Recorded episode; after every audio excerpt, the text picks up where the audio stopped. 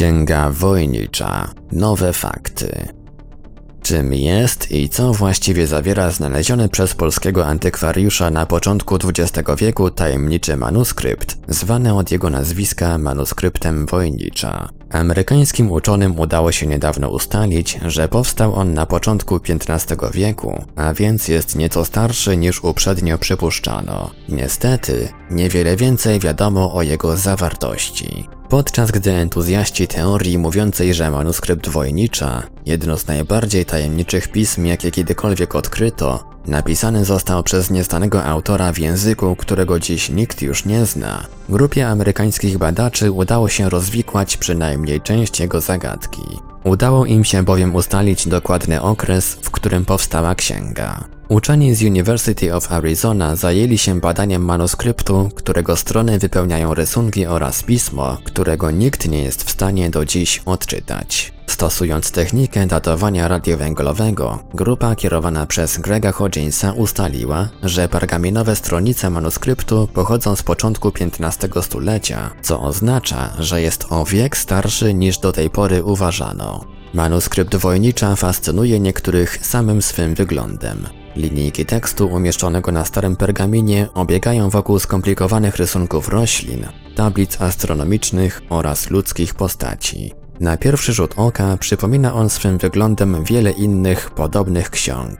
Jednak jeśli przyjrzeć się mu po raz kolejny, na jaw wyjdzie pewna dyskretna różnica w postaci dziwnego pisma, którego niektóre litery przypominają łacińskie, jednak większość nie występuje w żadnym innym języku. Tworzą one słowa i zdania, jednak cała zawartość manuskryptu nie przypomina żadnej innej książki stworzonej ręką człowieka. Hodgins, pracujący na Wydziale Fizyki University of Arizona, również zafascynowany jest księgą. Może to jakiegoś rodzaju kod lub szyfr. Są ludzie, którzy dokonują statystycznych analiz zawartych w księdze liter i słów, używając przy tym technik stosowanych przy łamaniu szyfrów, ale i tak do niczego nie doszli, powiedział. Manuskrypt, który obecnie znajduje się w zbiorze rzadkich ksiąg i manuskryptów przy Yale University, odkryty został w podrzymskiej wsi Villa Mondragone w 1912 roku przez polskiego antykwariusza Michała Wojnicza, który po emigracji stał się Wilfridem Wojniczem, który przeszukał skrzynie z książkami wystawionymi na sprzedaż przez jezuitów. Wojnicz poświęcił resztę swojego życia na odkrywaniu tajemnic pochodzenia i zawartości manuskryptu, który nazwano jego imieniem. Zmarł 18 lat później, nie doczekawszy się rezultatów. Wiele lat później, w 2009 roku, grupa uczonych z University of Arizona zgromadziła się w podziemiach budynku Wydziału Fizyki i Nauk o Astronomii, gdzie znajduje się urządzenie AMS Accelerator Mass Spectrometer połączenie spektrometru masowego z akceleratorem, które jest w stanie wykryć w próbkach ślady atomów węgla C14, co z kolei pozwala uczonym określić ich wiek.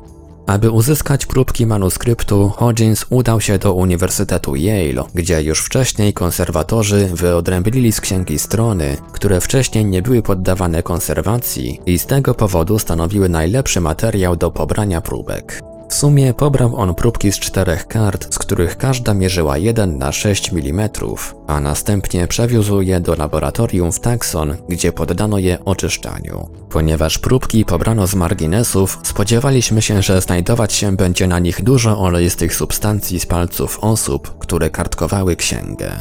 Mówi. W przypadku datowania metodą radiowęglową pojawia się cały sztab pracujących nad tym ludzi. Potrzeba wielu umiejętności, aby móc podać końcową datę. Od początku do końca potrzeba jeszcze ekspertyz biochemików, chemików i archeologów. Potrzebujemy także fizyków, inżynierów i statystyków. Grupie ekspertów z Arizony udało się przesunąć wiek manuskryptu Wojnicza o 100 lat wstecz co sprawiło, że niektóre z hipotez na temat jego pochodzenia stały się nieaktualne. Uczeni zajęli się także analizą atramentu i farb użytych do stworzenia nietypowej zawartości księgi. Hodgins mówi dalej.